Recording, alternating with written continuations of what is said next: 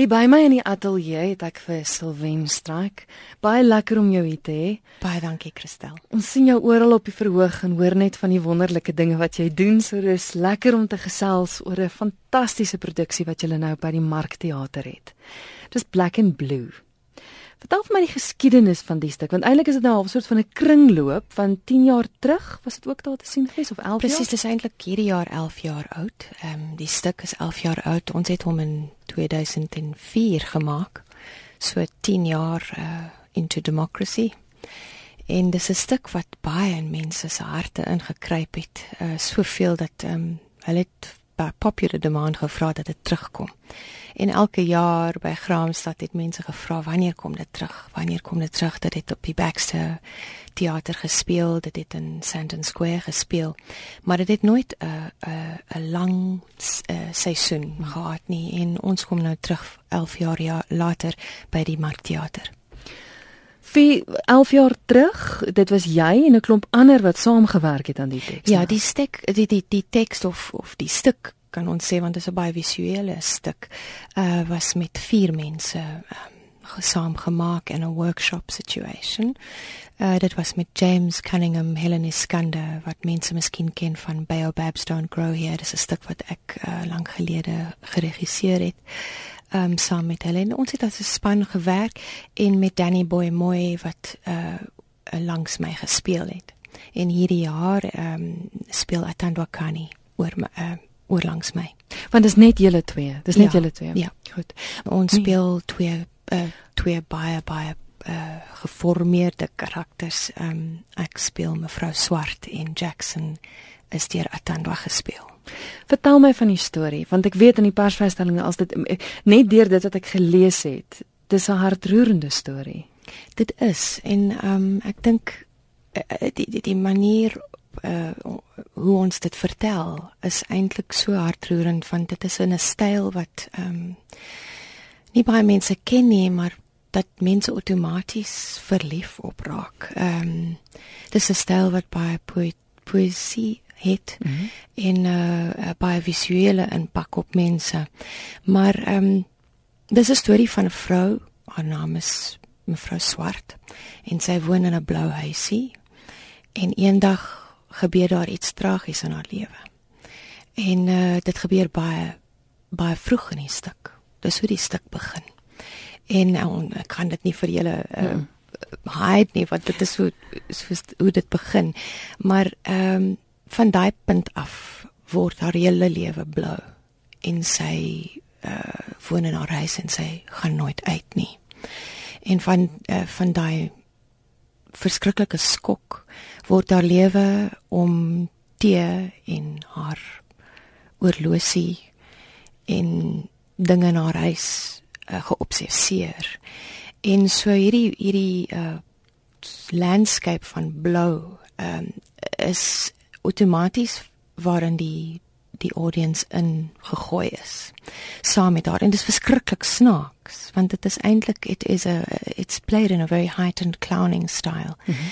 uh very mimetic very performed but it's also very silent. So for those of you who love Chaplin for those of you who are taken by the visual world of uh silent film this is very much uh for you although I haven't yet met a single person who thinks it's not for them because black and blue does have that impact on people.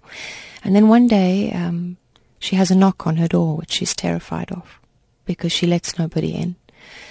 And this knock is persistent, and it turns out to be Jackson Siboy Boy who is looking for work.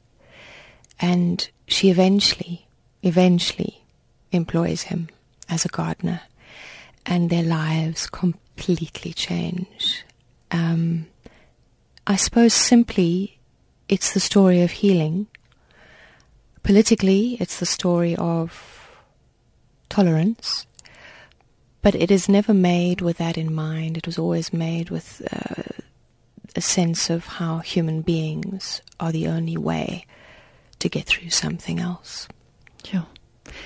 Nou 11 jaar later het julle weer na die na die stuk gekyk en besluit ons verander dit bietjie hier of daar of is hy presies soos wat hy 11 jaar terug was. Dis 'n snaakse ding want ehm um, Ismail Mohammed van die Nasionale Kunstefees het gevra asof as ek dit vir 'n retrospektiewe stuk kan doen. Ehm um, verlede jaar was ek die featured artist van die Grahamstown Arts Festival en ek het vyf stukke daar gebring en hy het gesê wel dit dit sou wonderlik om Black and Blue weer terug te bring. En ons het uh, besef dat dit is dis 'n risiko want dit dit is later in ons politieke hmm. ehm um, evolution. And we must be careful that we're not telling a story that's no longer relevant but we found it more relevant than ever actually um, in terms of the master servant relationship that exists in this country whether we want to see it or not it's there. And um, so on that level it was extremely interesting to return to but we have changed it quite uh, distinctly and I think what's brought a lot of change to it is a Atandwa Kani's level of performance.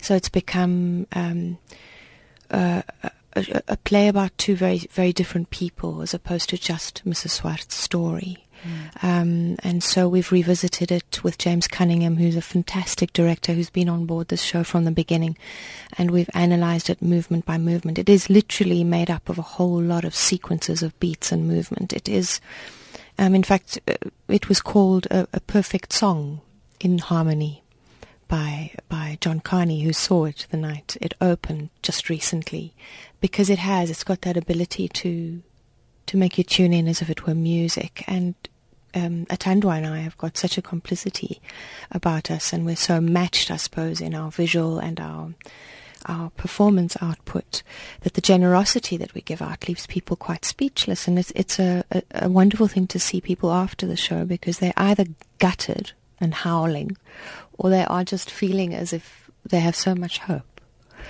It's it's an incredibly moving experience to play this piece and to watch it, I think. Ja, ek ben nou so nuuskierig en ek hoop die luisteraars ook. Julle is daarom nog vir 'n rukkie te sien by ja. die Markteater nou. Ja, ons speel elke dag behalwe Maandag, ehm um, 8:15 dan ja, 8:15 in die aand en op 'n Sondag 3:15 in die middag. En julle is te sien tot begin November. 1 November. Sondag die 1 November is ons laaste. En op 'n Dinsdag en 'n Woensdag is dit baie interessant want dit is 'n halfprys kaartjie en dis deur CompuTicket wat ons dit kan ehm um, wat jy dit kan bestel.